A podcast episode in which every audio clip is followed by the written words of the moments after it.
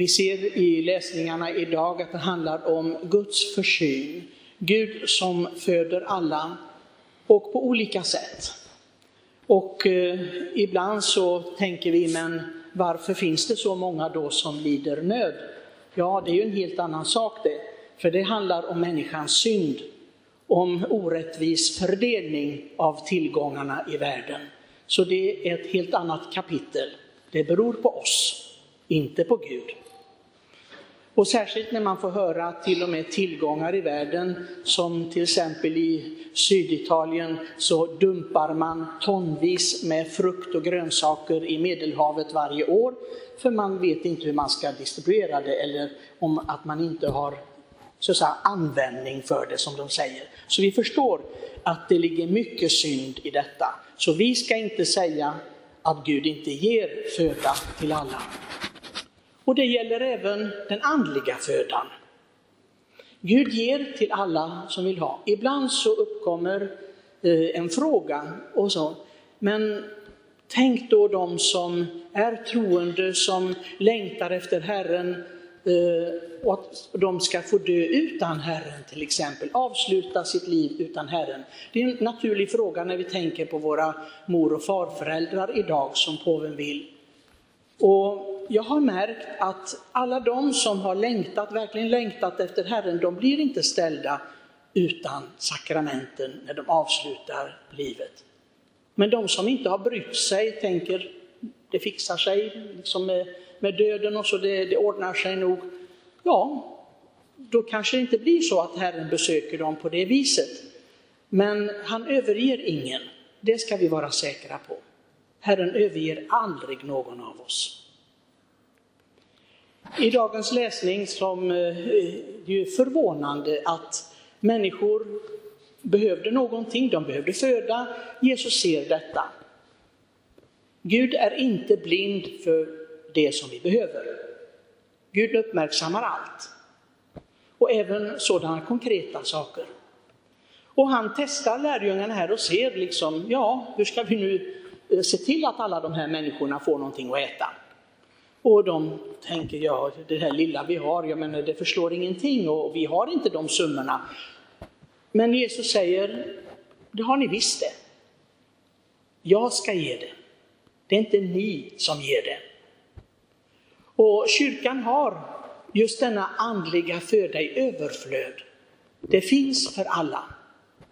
Det finns förlåtelse och upprättelse att ge. Det finns helgandet att ge i sakramenten. Gud som bygger upp sitt tempel dag för dag, stund för stund. Jag tänker på alla de mässor som firas över hela världen i olika tidpunkter. Under hela dygnet så firas mässor i hela världen. Just det vi behöver. Gud som utger sig själv genom Jesus Kristus i altarets allra heligaste sakrament. Det viktigaste som vi kan få vara med om. Ett helgon, han sa till och med, det vore lättare för oss att leva utan solen än att leva utan mässan. Och det är sant. Men Herren prövar oss också. Han ger oss inte bara, så att säga, det som vi tycker är positivt. Och vi ser i slutfrasen av evangeliet här att människorna var ju glada. Vi får någonting här, vi får ut vad vi behöver, vad vi vill ha. Och de vill göra honom till kung. För om han kan göra det här undret, då kan han göra andra under också. Gud blir en så att säga önskemaskin. Att jag kan få av Gud det jag vill ha, det jag tycker jag behöver. Men Jesus han värjer sig för detta, han går inte med på det. Han säger nej till detta. Gud vill ge det som Gud ser att människan behöver, inte vad hon liksom hittar på, hennes önskelista.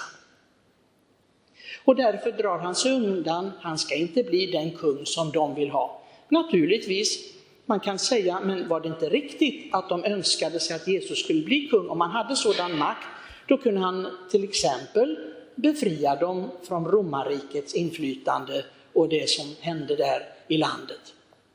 Men Jesus gick inte med på det, därför att antagligen behövde de denna prövning. Och det tänker vi inte ofta, vi tänker inte i de tankebanorna.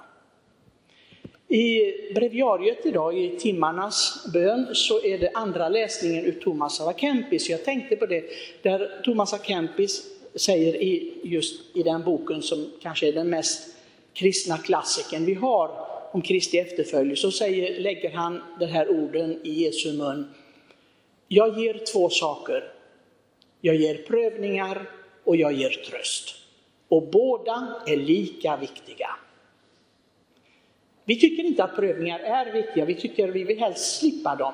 Vi ber ju att eh, vi ska slippa frestelser i Fader vår och det, är viktigt för det, är en sak vi ska helst slippa. Men prövningar måste vi ha. Och jag kommer ihåg diskussionen när, när man ville införa en helt ny översättning till Fader vår. Och eh, där skulle detta strykas med prövningarna. Och en mycket berömd katolik i vårt stift, Gunnel Wallqvist, hon opponerade sig, skrev till och med till Rom och sa, men det här är ju inte riktigt. Vi, vi behöver prövningarna för att växa i vår tro som kristna. Som troende människor behöver vi dem. Men vi kanske är liksom på en liksom helt felaktig barnnivå i vår tro. Inget fel om barn nu alltså, men, men ibland är ju inte en utvecklad tro. Där vi tycker vi ska bara ha framgång. Det är bara när det går bra, då är det bra. Men så är det inte i den kristna andliga världen. Vi behöver prövningarna. Vi behöver få ett nej också av Gud. Det är precis som barn som inte har fått ett nej av sina föräldrar blir förskräckliga människor sen. Det blir förskräckliga människor. Bortskämda och egoistiska och jag är centrum.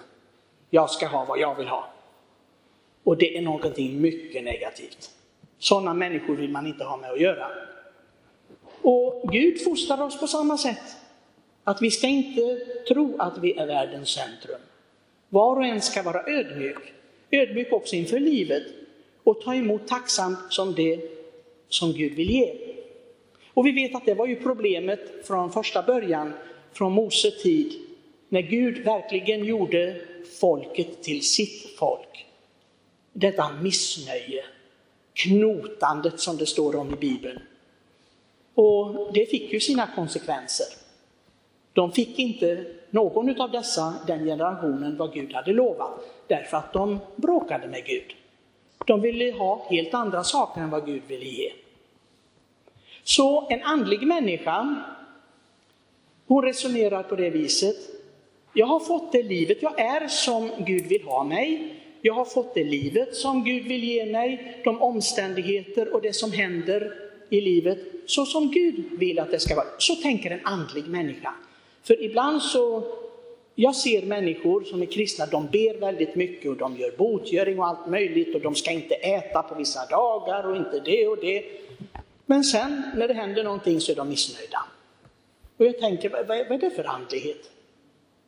Vad är det för slags andlighet? Du kan be 24 timmar om dygnet utan att vara andlig. Det är många som inte förstår det. För om du är missnöjd med Gud, med det som Gud ger dig, det som Gud lägger i ditt liv, då är du inte en andlig människa, punkt slut.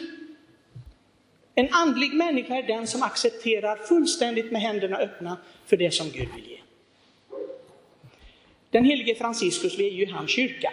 Den är helgad den här kyrkan till honom. Man skulle kunna tänka sig att han talade mest om glädje, om fattigdom och sånt, men det gör han inte. Det mesta som står i Franciscus skrifter, och det är inte så mycket, och han själv har inte skrivit det heller, utan det är en av hans medbröder som har gjort det, så handlar det om bot, om botgöring.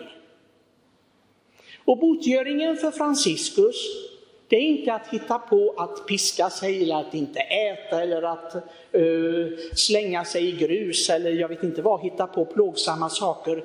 Utan botgöringen var detta, det glädjefyllda accepterandet av Guds vilja. Ta emot allt som en gåva. Mörker och ljus, lidande, framgång och glädje, det som kan vara. Detta var den för Franciscus den sanna botgöringen. Och vi vet Ibland så kan man ju tänka, eh, någon har sagt till mig, ja, jag läste Franciscus skrifter och det var väldigt präglat av medeltid, av 1200-tal. Han pratar väldigt mycket om botgöring. Jag förstår att du inte har läst katekesen, sa jag. Jag förstår att du inte har läst den som den helige Johannes Paulus den andra har promulgerat, för där står det också att den människa som inte har gjort, gör botgöring, den kommer inte in i Guds rike. Alla ska vi göra botgöring. Och botgöring det är alltså inte främst, jag ska säga inte bara, men inte främst att avstå från en massa saker, till exempel inte äta kakor och sånt. Och, nej, jag gör ingen propaganda för att äta kakor nu, jag hoppas ni förstår det, för det, det är farligt, det ser ni ju på mig. Mm. Eh, utan det handlar om just den här beredvilligheten för Guds vilja. Det är så kyrkan förstår det. Och det måste vi alla fostras till. Vi måste fostra oss själva till detta. Det är så viktigt. För utan denna, den botgöring, den formen av botgöring, så är vi inte anpassade till det eviga livet. Så låt oss be, inte bara Franciscus, jag brukar be Franciscus just om den här hjälpen. Hjälp mig att förstå det här, hur jag ska göra botgöring, hur jag ska ha fördrag med mig själv, med andra människor, med mitt liv, med allt och acceptera exakt det så, så som det är, för det är det som Gud ger mig.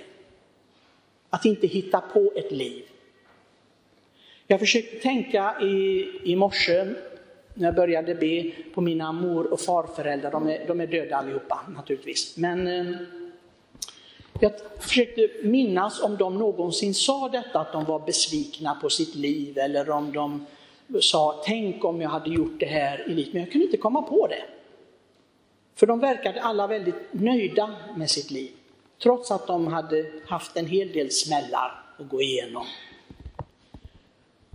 Och jag hoppas att jag också får avsluta mitt liv på det viset och det önskar jag för alla för min församling. Att vi ska få avsluta livet nöjda och tacka Gud för allt, vad vi har gått igenom. Och låt oss hjälpa dem som är äldre, för det vill påven idag, den helige fadern Franciscus. Han vill att vi hjälper de som når en högre ålder och så, att acceptera sitt liv, säga det är bra, det är bra det som har varit, vad du ännu har gått igenom. Tacka nu, eh, tacka Gud för alltihopa. Lägg allt i hans kärleksfulla händer, då blir det bra. Amen.